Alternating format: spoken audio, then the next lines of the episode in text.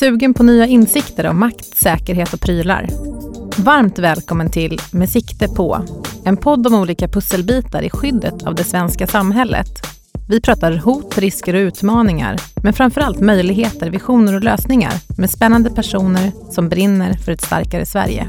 Podden leds av mig, Hanna Stenvall på 2Secure. Och med mig Matilda Karlsson från Scandinavian Risk Solutions.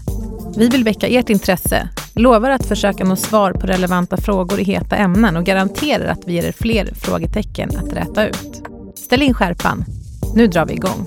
Eh, man kan titta på hur, hur eh, cyberkriminaliteten har utvecklats. Från början så var det digitala eh, Nigeriabrev fram till nu det man kallar för spearfishing och whalefishing där man faktiskt skaffar uppgifter och timing.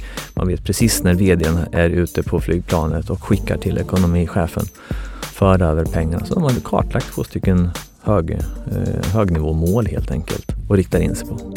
Jens Johansson är utbildad naturgeograf och tog via en rad chefsroller inom statliga myndigheter som SMHI och Luftfartsverket rollen som säkerhetshandläggare med ett förordnande som säkerhetsskyddschef Transportstyrelsen 2013. Under det som i media kommit att kallas Transportgate satt han mitt i stormens öga och han utsågs av Transparency International till årets visselpipa 2018 efter att ha slagit larm om bristande säkerhetshantering på Transportstyrelsen. Välkommen Jens! Tack! Eh, din bakgrund tyder lite grann på att du är en nyfiken person, upplever jag. Vad är det som har drivit dig framåt i din karriär? Ja, det kan nog stämma. Eh, jag skulle säga att det är nog en vilja av att lära sig nya saker. Var det intresset kommer ifrån, det kan, det kan ju dyka upp helt enkelt. Men var började det någonstans? Eh, jag är utbildad naturgeograf. Eh, och det var ju intresse för, för natur, för biologi, som, som ledde mig in på det. Vad gör en naturgeograf? Ja, men naturgeograf kan göra väldigt mycket. Eh, man läser på, på, från universitetet om, om eh, eh, jordarter, eh, jord, eh, jordartskemi, eh, hydrologi, geologi, meteorologi.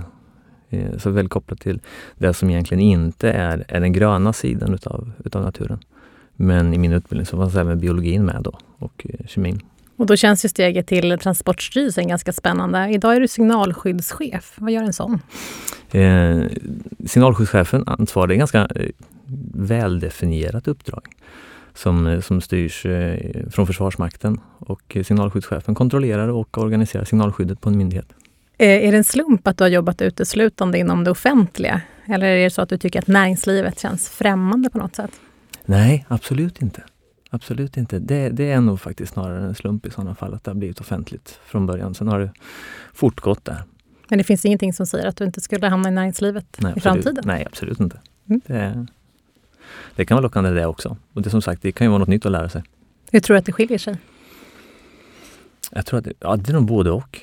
Ehm, jag har ju gott om, om vänner som arbetar inom näringslivet och som beskriver som ett annat, annat tempo, ett annat fokus Eh, samtidigt är det så att när man arbetar i det offentliga så har man känslan att man ska göra någonting som är positivt för andra.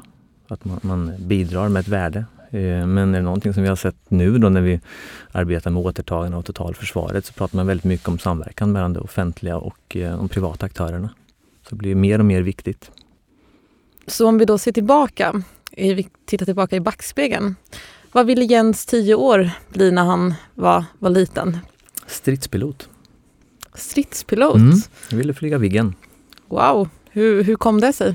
Eh, jag är uppväxt eh, utanför Norrköping. Vi hade en flygflottilj F13.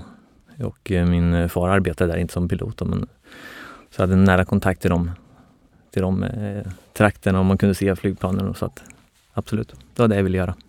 Och vad var ditt allra första arbete? Eh, mitt allra första arbete, om vi bortser från att klistra ihop Biltema-kataloger när jag var 12 år ihop med en kompis, så var det på posten. Om vi ser tillbaka till idag eh, och din, eh, din yrkesmässiga karriär. Vilka är dina främsta personliga styrkor och hur använder du dem i ditt, i ditt arbetsliv? Um, det är nog just nyfikenheten och att jag börjar inse och, och, acceptera själv att jag har en förmåga att snabbt kunna sätta mig in i nya verksamheter. Vill du, vill du ge något exempel där? Eh, steget ifrån eh, SMHI till LFV var väl kanske inte fullständigt eh, logiskt om man ser det så. Jag hade en, en chefsposition på SMHI eh, som jag trivdes bra på men jag blev kontaktad och, gick dit för att vara chef för ett, ett gäng som arbetar med flyginformation. och då måste man ju lära sig hur, flyginformation är uppbyggd. Och det är väldigt komplext. Men också spännande. Och utmanande. Ja, ja det blir det. Absolut. Och samtidigt så är det ju då att bara kliva in som chef för ett gäng eh, kunniga medarbetare och sen eh, inte visa respekt för deras sakkompetens genom att inte själv vilja lära sig deras sakområde. Alltså det ligger inte för mig. Då blir man en ganska usel chef om man inte visar respekt. Ja, det, det blir man ju liksom per, per, automatik om man inte har respekt mot människor runt omkring sig. Men, men eh, att eh, i det här läget då också visa att man intresserar sig för det som de själva kanske brinner för. Om det handlar om digital kartinformation, flyginformation, eh, hur saker och ting är uppbyggda, regler, internationella samarbeten. Ja, spännande, utmanande. Tidigare i år så utsågs du, som vi nämnde i presentationen, till Årets visselpipa 2018 av eh, Transparency International. Vad innebär den utmärkelsen och vad har den betytt för dig? Ja, eh, till, till att börja med så delar jag utmärkelsen med vår internrevisionschef Anette på, på Transportstyrelsen. Och det, vi, vi fick den, vi uppmärksammades för att det som, som vi har gjort eh, och som blev uppmärksammat sommaren 2017 från Transportstyrelsen i och med eh, outsourcingen av IT-driften på myndigheten. Vad var det ni gjorde för att få den utmärkelsen då? Eh, det korta svaret är att vi gjorde väl vårt jobb. Både Anette och jag. Eh, jag hade ett förordnande som säkerhetsskyddschef. Och jag hade kontakt med Säkerhetspolisen kring det och Anette arbetade som internrevisionschef ska göra. Sen fick vi den här utmärkelsen nu då i, i april 2018. Och det är ju ett, det, det, det, är ett erkännande. Samtidigt så är det någonting som jag hoppas kan alltså belysa. Det, det, man har ju tur om man är eh, om man har larmat eller försökt göra någonting. Kanske blir bedömd som, som whistleblower. Och eh, då har man tur att man blir uppmärksammad. För jag är rätt övertygad om att det finns många där ute som försöker att göra rätt och försöker att, att larma och som inte får det erkännandet. Så att eh, förhoppningsvis kan man vara någon form av inspiration eller stöd till dem. Att det blir liksom en klapp i ryggen och inte bara att jobba i motvind. Ja, precis. Vad har det betytt för dig som person då? Ja, det är just det. Det är ditt erkännande. Det, det känns ju bra. Definitivt. det är väldigt hedrande att få en sån utmärkelse. Vi nämner whistleblowing mm. som är ett eh, begrepp som inte alla känner till. Vad är whistleblowing? Ja, om det nu finns någon definition på whistleblowing eller inte, men, men det handlar ju om individer som försöker att larma för att det ska bli rätt. De försöker göra rätt, eh, larmar oftast internt i sina organisationer. Eh, och jag skulle väl kunna tänka mig att någon form av allmän bild är att man, man går till media men eh, jag tycker absolut inte att det, det är inte det det handlar om. Utan det handlar om att försöka hitta rätt adressat för det som man vill larma om. Om det då kan vara en styrelse på en myndighet eller om det kan vara en tillsynsmyndighet eller så. För att ljussätta en, en, någon typ av svaghet som man själv har uppmärksammat? Ja, precis. Man vill förändra någonting. Och jag tror att man drivs som, som, eh, som eh, visselpipa liksom, så drivs man av en, en vilja av att det ska bli rätt. Man ska göra rätt, det ska bli rätt och man ska därigenom kunna tillföra värde. Eh, det handlar inte om att, att eh, jaga syndabockar med fackler och högaffel. Nej, utan att nå ett resultat. Mm. Jag tänker att eh, det ibland får man eh, ta ganska mycket skit också som visselpipa. Eh, finns det liksom en, en, föreställning om vad whistleblowing är för någonting, vad man gör som visselpipa? Liksom vad är det för skillnad på en, en visselpipa och en rättshaverist till exempel?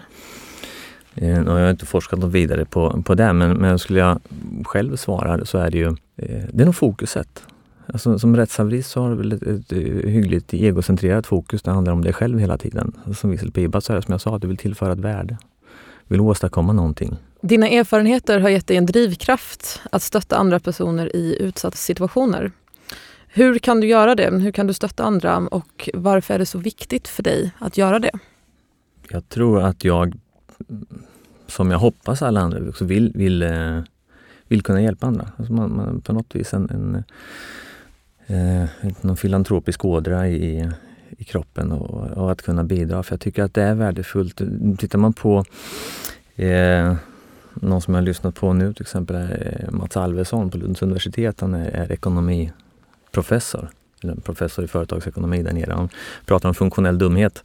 Och det kan man väl se som två olika ändar av någon form av normalfördelningsskala. Där, där den funktionella idioten, om man får kalla den det, för, eh,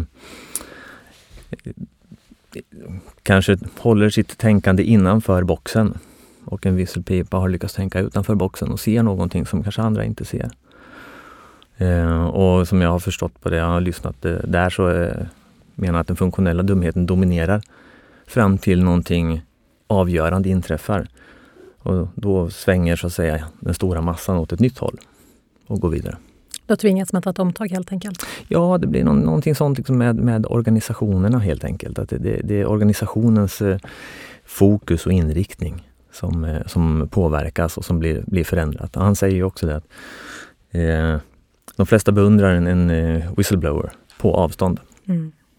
Så hur gör du då för att stötta andra? Vi pratar om att det är liksom din drivkraft, att du verkligen brinner för att stötta andra som är i en utsatt position, som kanske har försökt att, och blåsa den där pipan men inte fått gehör. Då har jag ju hållit eh, i sådana fall föredrag eller man faktiskt pratar med människor som, som har tagit kontakt istället. Eh, och då gäller ju då att eh, kanske själv ha en väldigt bra bild av vad det är, vad är mina värderingar? Eh, en del brukar prata om sin egen värdegrund men, men det är någonting helt annat än värdegrunden. I alla fall för mig, då, är någonting väldigt definierat. Men jag har ju mina värderingar som, som så att säga omger mig. Även när jag är ute och går, Eh, går på stan. Uh, vad man gör, hur man beter sig och sånt. Är, och det är någonting som vi alla bär med oss. Och utifrån de värderingarna så vill man ju hjälpa andra som, som uh, på något vis behöver tröst, stöd, kanske känner sig ensamma. Så att på så sätt så försöker jag tillgängliggöra mig. En PT för whistleblowers helt enkelt? Ja, eh, jag vet inte. Det finns säkert, det finns säkert rätt många eh, andra coacher och andra som skulle kunna eh, fixa det. Men, men jag har ju ett antal erfarenheter. Det är erfarenhetsbaserat det jag kan prata om. Eh, och, och det, det, det, blir ju det som jag får hålla ett fokus kring och inte kanske eh, prata om generella metoder. Jag kan svara för vad som har fungerat för mig och vad som har varit viktigt för mig. Saknade du själv stöd när det blåste som hårdast? Um, nej, eh, absolut inte. Um, man får ju tänka på helheten och jag, jag har ju familj och vänner. Uh, man får liksom försätta sig i positiva sammanhang som kamraterna man tränar med och vänner man har pluggat med. Så att, Kamraterna du sparkar ner? Jag sparkar inte ner mina kamrater. De du tränar med tänker jag? Ja, jag sparkar inte ner dem. Vi är ju snälla mot varandra. Vi är ju kamrater som jag sa. Så det. Vad var det som var tuffast då när det blåste som hårdast för dig som person? Um, det var nog att, att um, det blir någon form av, av maktlöshet och sen, sen uh, blir det väldigt jobbigt rent fysiskt också. Um, alltså man, man, man reagerar ju på ett eller annat sätt. Eh, när, när man inte riktigt vet eh, vilka bilder som sprids i media till exempel. Om man känner att, men vänta, eh, det här tycker inte jag stämmer. Eh, så här kan det väl inte vara. Här sägs det saker som jag överhuvudtaget inte visste om. Eller ja, var det så här någon tyckte? Eh, då är det väl de sakerna, men samtidigt så i ett sånt läge så, så ja, då kanske vi kommer in på det här med, med eh, träningen också. Att man ändå har en form av grundbult i det. Att, att kunna lugna ner sig själv, kunna fundera kring vad är det som är viktigast för mig. Och hur lugnar du ner dig då med träningen? Andning. Jag tänkte på vilken sport det var med tanke på att jag säger att du sparkar ner dina vänner. Jaha, du tänkte förtydliga det i så fall. Ja, nej, jag sparkar inte. Ja, precis. Jag förstår. Karate är det. Så, och, och det är egentligen inte uh, sportversionen, för det är inte det som är fokuset för, för oss i den föreningen där jag tränar. Utan att vi brukar säga att vi tränar en hållbar karate. Eh, en hållbar karate innebär att vi ska ju kunna träna karate resten av livet. Man ska inte behöva sluta när man är 27 eller 28 för att knäna gått sönder utan då får man anpassa träningen och fortsätta. Jag tänker att ta det där steget när man ser att det är någonting som inte riktigt är som det borde, att det innebär risker. Det kräver ju ett ganska stort mod. Varifrån har du fått ditt mod? Um, när, när du säger att ja, det kräver ett stort mod och varifrån har du fått det? Så, så är det ganska roligt för när man sitter ifrån, från mitt håll så känns det inte som att man har så mycket mod, men man gör däremot det man inser man måste. En del saker måste man göra och eh, man kanske ändå är rädd och orolig inför det. Men, men det finns inte ett alternativ. Och då är det på något vis att man har sina egna värderingar. Vad kan konsekvensen vara för någon annan om jag inte agerar? Och, och, och det är ihop då med, med kanske bakgrund och annat sånt som gör att nej, det, det finns inte ett alternativ. Och någon annan i det här fallet i Sverige? Ja, eh, absolut. Och, och, kanske i det här läget som, som jag kände så, så andra svenskar. Och om du då ser tillbaka på, på när det här egentligen briserade. Fanns det någonting, med, med den erfarenheten du har i ryggen idag, ser du att det kanske skulle vara någonting du, du skulle ha gjort annorlunda eller hade velat göra annorlunda? Eh, jag har nog inte kommit fram till det, det här svaret. Alltså, det, um, den, det, var, det var, var en ganska extrem situation. Just när det, om du pratar om 2017 så fanns väl inte så mycket annat att göra. Eh, vad som kunde göras, göras innan då, det, det, tycker jag väl ändå att där har vi ju de få av oss som fanns försökt att, att, att göra någonting som vi ändå har trott på. Eh, men som sagt, det, det tål definitivt och jag kommer att, att fundera över det själv i åratal framöver. Det är jag helt övertygad om. Eh, och det är också det som man gör med sina erfarenheter. En del går bra, annat går mindre bra. Men då måste man lära sig någonting av det och konstatera vad det är som har skett. Men eh, rent sakligt sett så är jag ju nöjd med att det hade kunnat bli så mycket värre om vi inte hade gjort någonting. Och det är ju det som man inte får glömma. Det kan ju vara så att det sitter, det sitter människor ute i Sverige till exempel på, på myndigheter eller företag eller liknande med eh, samma typ av information eller liknande som du hade. Vad är ditt tips till dem? Hur, hur ska man våga träda fram? Eh, hur ska man tänka? Eh, då skulle jag gå tillbaka till det här med, med whistleblower. Att, alltså, det handlar inte om att springa till media utan försöka göra rätt. Och, och, nu har vi idag, 2018, upplever jag i alla fall en mycket, mycket bättre samverkan mellan myndigheterna.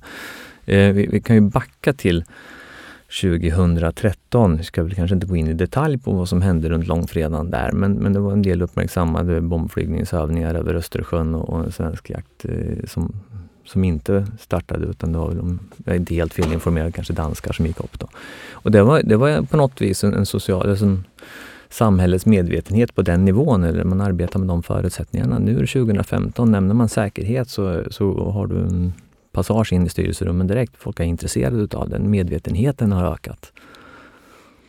Så att eh, jag tror att det som behöver, om vi bara pratar säkerhet då, så att då, då, eh, det finns grogrund för det idag.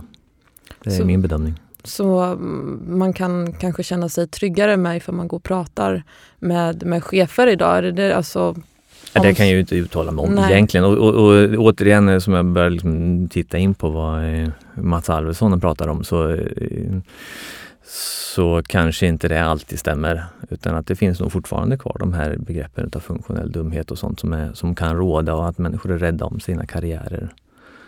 Så att något generellt råd så där, det kan jag inte komma med.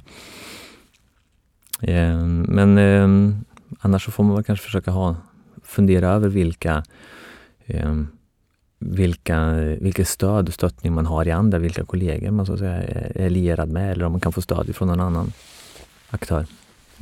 Du nämnde själv näringslivet mm. alldeles nyss. Vilken roll har näringslivet när det handlar om att bygga upp en förmåga och skydda det som är skyddsvärt i Sverige? en jättestor roll. Ska säga. Jag menar, vi, vi har ju gått till den typen av samhälle idag att vi är väldigt beroende av privata aktörer. Eh, och då gäller det ju också att man accepterar vilka, under vilka förutsättningar som näringslivet agerar. Vilket behov samhället har. Eh, och det är ju ändå så att det är ju myndigheterna som stiftar lagarna. Och någonstans så måste de här mötas. Jag tror att resultatet kan bli riktigt bra. Upplever du att ramverket för liksom samarbete och samverkan mellan myndigheter och det privata är tillräckligt tydliga idag? Har jag nog ingen större uppfattning om, om eh, så. Eh, just själva ramverket, det behöver nog kanske någon jurist titta på. Ehm, men däremot så kan jag ju se att det finns ju en vilja av samarbete som, som jag uppfattar som väldigt stor. Större idag än 2013, 14, 15? Ja, det är nog lättare för att, att prata om det idag, det tror jag definitivt. Alltså det, blir, det har ju blivit en konsekvens utav det här att man ser och, och, accepterar att det kan finnas en hotbild mot landet. Att det finns olika saker som måste hanteras. Eh, att man inte kan blunda för, för eh, en del saker. Så det, det, måste finnas en bättre grogrund idag än för, för fyra år sedan till exempel. Absolut. Jag kallade det för elefanten i rummet för något tillfälle med outsourcing? Ja, ja. Jo, men, men outsourcing kan ju fungera men eh, det har väl kanske visat sig att det kommer, beror ju på hur man genomför den. Eh, och med vad? Och då måste man också konstatera att del, vad ska man, man outsourca outsourca, vad ska man inte? Och då är det ju absolut viktigast att man faktiskt har koll själv på sina skyddsvärden, sin information och inte bara hur den påverkar dig själv som myndighet utan hur den kan påverka någon annan och hur den påverkar helheten. Där vi kommer till det mest viktiga. Nu Jens ska vi leka en associationslek. Mm. Vi turas om att ge dig ett ord var. Eh, och du säger snabbt som attan det första som poppar upp i huvudet. Är det någonting som du vill utveckla så gör du det efteråt. Är det klart? Mm. Bra, då kör vi igång. Grad. Eh, militärt. Moln, Cumulus nimbus. Mod. Rak eh, ryggrad. Mångfald, Biodiversitet. Lojalitet. Tillbaka på ryggraden. spår, Järnväg. Visselpipa. Mod. lag, Ehm, ja, jag tänkte på idrott. Outsourcing. Möjlighet. bälte, Karate.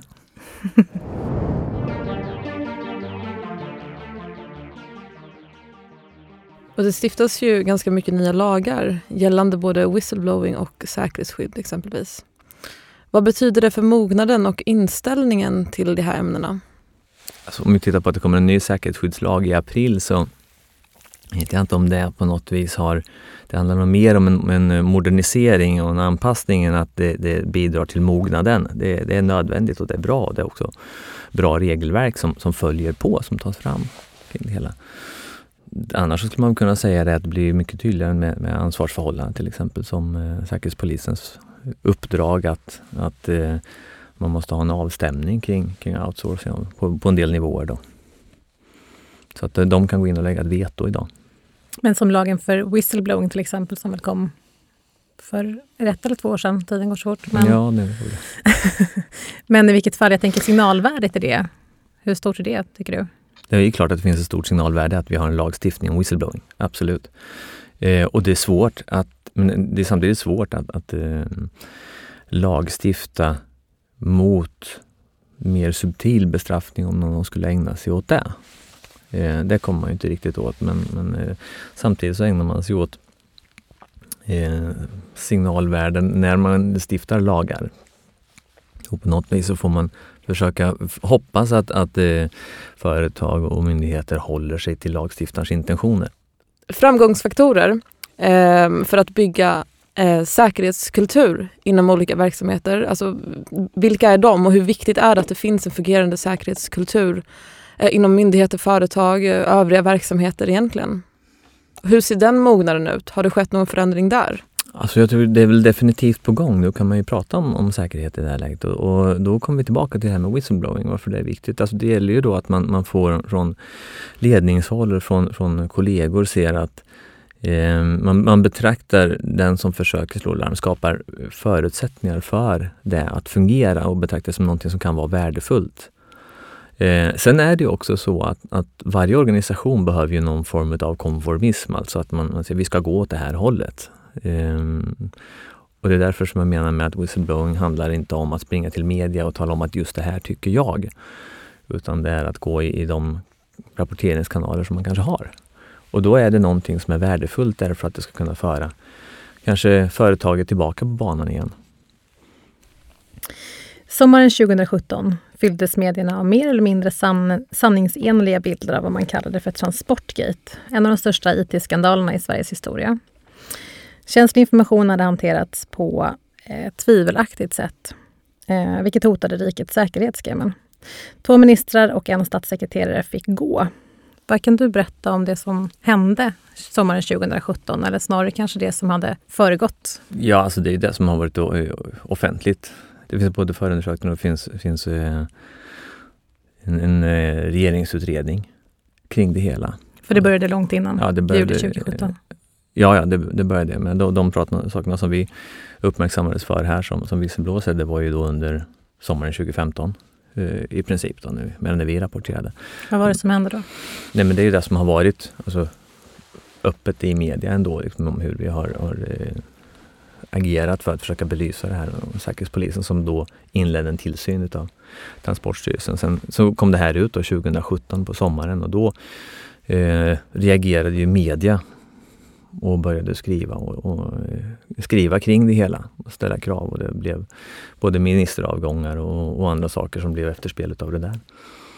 Konsekvensen är väl att, att um, i samma skede så började ju också medvetenheten. Jag kan inte, liksom, tänker inte ge just det definitiva exemplet men, men jag har fått till mig att sånt som jag spontant skulle sagt att det här kanske är saker som vi inte ska lägga ut utomlands. Har, har kommit tillbaka till mig och sagt att um, ja, före semestern så ville man göra det. Efter semestern så var det inga problem för oss att få gehör för, för skyddet. Och då kanske det på något vis har liksom lett fram till någonting bra vad gäller medvetenheten. Att man belyste en, en komplexitet ja, i verksamheten ja. som gjorde att man faktiskt fick tänka efter en gång extra innan man... För det var det som hade hänt i det här fallet, att mm. det outsourcades ja, det, och uppgifterna man, sköttes utomlands. Ja, man, man, man eh, upphandlade en, en, eh, en drift utav, eh, utav applikationerna på myndigheten. En IT-drift och en IT-driftsupphandling som en leverantör skulle ha. Då. Och sen använder man sig utav, av utländska underleverantörer eller systerbolag i det läget. Så vad har Transportgate fått för effekter inom myndighetssfären i Sverige? Har det fått några effekter? Och fick det i så fall större effekt än vad du hade kunnat förutspå? På vilket sätt i så fall? Ja, absolut.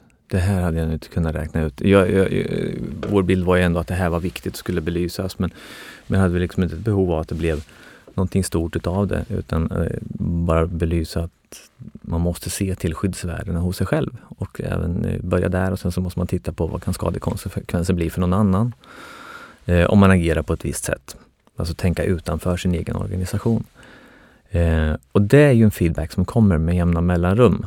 Att eh, säkerhetsföreträdare och andra har, har eh, nu access till ledningsrummen. Och ska man titta om, på, en, på en vision kring det så är det så att precis som du i en verksamhetsstyrning som ledning arbetar med ekonomi, personal, miljö, så ska du även ha med säkerhetsaspekten. Det är inget särintresse för att använda en, en kanske historiskt sett olycklig terminologi. Då, men... Nej, för någonstans handlar det om att värna liksom, kärnverksamheten. Det är ju det säkerheten går ut på. Säkerhet i sig är ju inte ett självändamål. Nej, absolut inte. Absolut inte. Så det, det, jag får frågan om jag brinner för säkerhet. Eh, jag brukar svara nej. Eh, däremot så brinner jag för ett säkert Sverige. Eh, den digitala utvecklingen går snabbt och vi vet att kartan över vad som är skyddsvärt i Sverige har ritats om ordentligt under det senaste decenniet. Hur ser mognaden på informationssäkerhetsområdet ut i Sverige idag? Ja, jag kan ju bara utgå liksom från, från min upplevelse och den, den är ju mycket den, den, måste vara mycket eh, högre nu, det är mycket större acceptans för det. Men det finns ju också ledningssystem för informationssäkerhet som, som eh, man ska arbeta med. Och ehm, Samtidigt finns det fallgropar med det om man gör det på ett sätt så att det blir på något vis att man, man gör det rätt men kanske inte riktigt kontrollerar att det samtidigt blir rätt. Det är ungefär som att ha rätt och få rätt är två olika saker. Men, men bara för att man har gjort rätt så måste man också se att det blir rätt i slutändan. Eh, ett bra exempel tycker jag fick från en annan myndighet som gjorde en ganska rolig bild. Man ska förvara en viss typ av information i ett säkerhetsskåp. SS 3492-skåp. Och det ska man ju. Ska finnas i det där säkerhetsskåpet. Så hade de ställt ett säkerhetsskåp på trottoaren utanför sin myndighetsbyggnad. Informationen finns inne i ett säkerhetsskåp, SS3492. Det är sant, men det står samtidigt på trottoaren utanför. Vilket då inte reglerades, om man skulle tolka det hela. Ehm. sen, sen, kan det finnas, finnas massa andra saker i just det exemplet, men, men som eh, pedagogisk poäng så var den kul. Apropå att, att eh, precis kartan ritats om. Och, ja, det, det spelar inte roll att du bara gör rätt utan det måste bli rätt också. Då kanske inte skåpet ska stå där ute. Det ska fortfarande vara inlåsta grejer i det men, men eh, det ska stå någon annanstans. Och då kanske det krävs att man drar det lite långt ibland för att just vinna de här poängerna. Ja precis, jag tycker de lyckades bra tycker mm. med det exemplet. Det var... eh, om vi pratar om mognaden då på informationssäkerhet, mm. hur upplever du att den har förändrats sen du tillträdde som säkerhetsskyddschef på Transportstyrelsen? Ja, um, om man, man tittar tidigare på att det handlar om, om eh, hemlig uppgift eh, så pratar vi nu idag om, om bulkdata också. Och, och, det finns som ett, ett hanterat begrepp. Alltså vad kan man göra med stora mängder information? Den förra säkerhetsskyddslagen var från 1996 och kanske förde tankarna till en invasion och till eh, papper med röda stämplar på. Och nu idag så, så, ser informationshanteringen betydligt annorlunda ut och förmågan att hantera information, samla upp information och dessutom så, så sprider vi ju som, som medborgare gladligen massa information om oss i alla möjliga appar. Och den mognaden måste någonstans gå hand i hand då med, liksom, det handlar inte bara om på en myndighetsnivå eller på högnivåorganisationer utan hos oss människor faktiskt? Ja, eh, ja precis. Om man går tillbaka till att titta på hybridkrig så, så egentligen är ju, det finns ju skalor över hur hybridkriget bedrivs men, men det är egentligen en, en arena för, för eh, ska man säga, det politiskt diplomatiska livet. I, I, ena änden så har du allierade och, och, det är fred och i andra änden så är det fiender. Och, och det är väpnat krig och däremellan så kan du ha ekonomiska eh, både avtal och du kan ha ekonomiska strider. Och, ja, som sagt, den är väldigt komplex. Eh, och då utgör ju informationen om, om människor en, en, del som du kan använda i påverkansoperationer. Och det bästa påverkan du kan göra är att påverka någon utan att de själva förstår att de är påverkade. Och att du kan avläsa en människa utifrån, från, eh, utifrån den information du har om den. Eh, man kan titta på hur, hur eh, cyberkriminaliteten har utvecklats. Från början så var det digitala Nigeria-brev fram till nu det man kallar för spearfishing och whalefishing där man faktiskt skaffar uppgifter och timing. Man vet precis när VDn är ute på flygplanet och skickar till ekonomichefen för över pengarna. Så de har kartlagt två stycken hög, eh, högnivåmål helt enkelt och riktar in sig på. Det här lägger ju en ganska bra grund för nästa fråga. För just vi har ju väldigt mycket sårbarheter som nämns här med, med teknikutveckling. Men hur kan vi dra nytta av digitaliseringen och den utveckling vi ser inom, alltså på olika teknikområden istället? Alltså jag tror att vi, vi, eh, ska försöka dra så mycket nytta vi bara kan. Eh, eh, och, och, ehm, jag kan inte riktigt svara på hur vi ska dra nytta av den, men jag kan säga att vi ska göra det, men vi måste också göra det med eftertänksamhet. Det behöver inte gå så fort, utan man kan utveckla. Men måste hela tiden, genom att ha vetskap och en acceptans för sina skyddsvärden, då, då kan man också föra in en, en, en, teknisk utveckling. För att meningen är ju inte att vi ska stanna precis vid papper och penna, utan livet går ju framåt. Tekniken kommer ju hjälpa oss också. Så vi måste också öka medvetenheten som vi så många gånger har nämnt. Ja, absolut. Det är, det är där det kommer tillbaka till. Mm. Det är oss som individer. Och, och, det är där det kommer att tillbaka till, till eh, whistleblower då. För att om vi nu börjar prata om säkerhet eh, och förut som jag var inne på det här med, med funktionell dumhet, att man går i, i, en riktning, någonting stort inträffar och nu börjar alla kanske prata om, vi tar säkerhet som, som exempel, det ligger lite nära eh, till hands här. Och, och då är min nästa fråga istället, vad är det för några nya sårbarheter som vi bygger in under säkerhetsflagg. Alltså, vad är det vi gör fel nu som vi kanske kommer att upptäcka om ett tag? Det gäller ju att försöka se de sårbarheterna och om du då har motsvarande whistleblower som har förmågan att tänka utanför boxen, då är de en tillgång för att snabbt kunna se den här typen av sårbarheter. Kunna larma om dem och säga att ja, då kanske vi kan redan i tidig linda styra teknikutvecklingen till att bli någonting som är hållbart och acceptabelt. Är förståelsen för digitaliseringen såväl hot som möjligheter en generationsfråga kopplat till det vi precis pratade om då? Är inte jag lite för gammal för att svara på den frågan? Men om du ser till den yngre generationen? Ja, alltså, jag, ja, okay, jag, jag har lite kontakt med den yngre generationen. Det är ju lite, det är ju, om vi pratar om vad som får en att hålla den på banan då, så, så är jag ju lyckligt lottad på det sättet.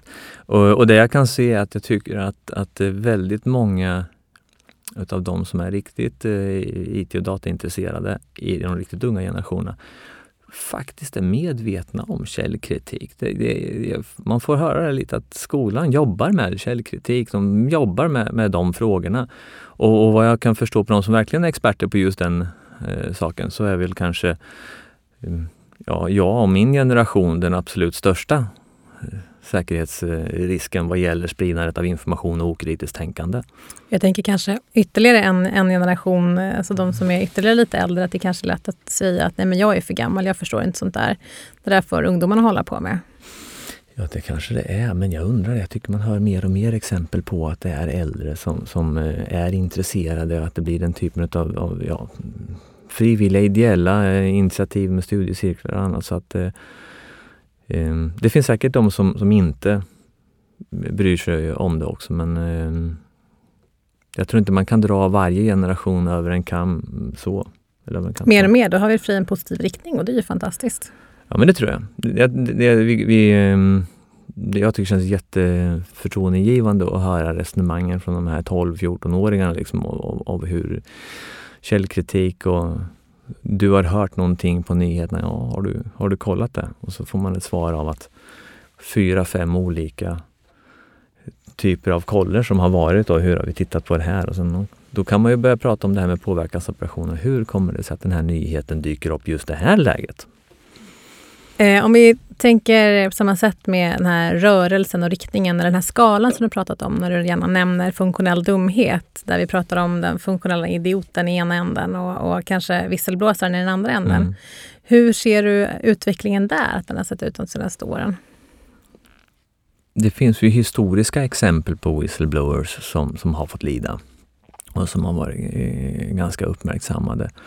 Um, jag tror att man ska, man ska titta i mittsegmentet utav det här med, med, med det gäller funktionell dumhet och, och, och whistleblowing, det vill säga är det högt i tak på en, alltså inom en organisation? Är det ett debattklimat? Har man en, ett ledarskap, är det ett accepterat ledarskap att faktiskt ta en, en, en debatt? Orkar ledarskapet det? Samtidigt så är det ju så att ett, ett gott ledarskap är ju på något vis någon form av helig graal idag. Att alla problem ska lösas med ett gott ledarskap oavsett om det är i förskolan eller om det är på en arbetsplats.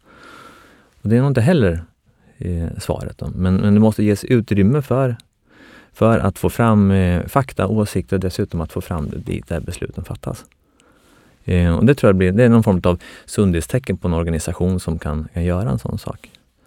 Eh, och där kan man egentligen säga att en, en whistleblower som Eh, ett tecken på en sund organisation, det, det är, en, det är, skulle man ju säga, en ledning som går in och, och pinpointar att ja, men här har vi whistleblower som vi gör, som vi gör någonting med. Nej, men alltså, jag vill mena det att en organisation som, som eh, kan acceptera och, och omhänderta sina whistleblowers och, och, och erkänna, men det, det är inget fel som chef att säga att jag hade fel uppfattning. Eh, det här var en bra synpunkt. Vi jobbar vidare och, och vi ändrar oss på ett visst sätt. Det, det tyder bara på ett moget debattklimat. Eh, och den, den, organisation som kan visa upp en sån sak tror jag kommer bli, alltså ha en förmåga att, att eh, eh, utmärka sig jämfört med andra. Avslutningsvis, om du fick önska en sak som politiken skulle lösa ut när vi väl har en regering, jag tänkte säga det, jag vet inte om jag ställer, vilken nivå ska vi lägga önskelistan, men en regering är väl kanske första. ja. ja, det är svårt att komma vidare därifrån. Det är svårt ja. att komma vidare från den och sen så har vi slut, äh, sluttemat så är väl i sådana fall ett, ett, eh, ett hållbart äh, liv på planeten med äh, fred på jorden. Och fred på jorden. Ja, det är bra mm. krav. Vilken fin avslutning. Tusen tack Jens. Tack så mycket. Tack själva.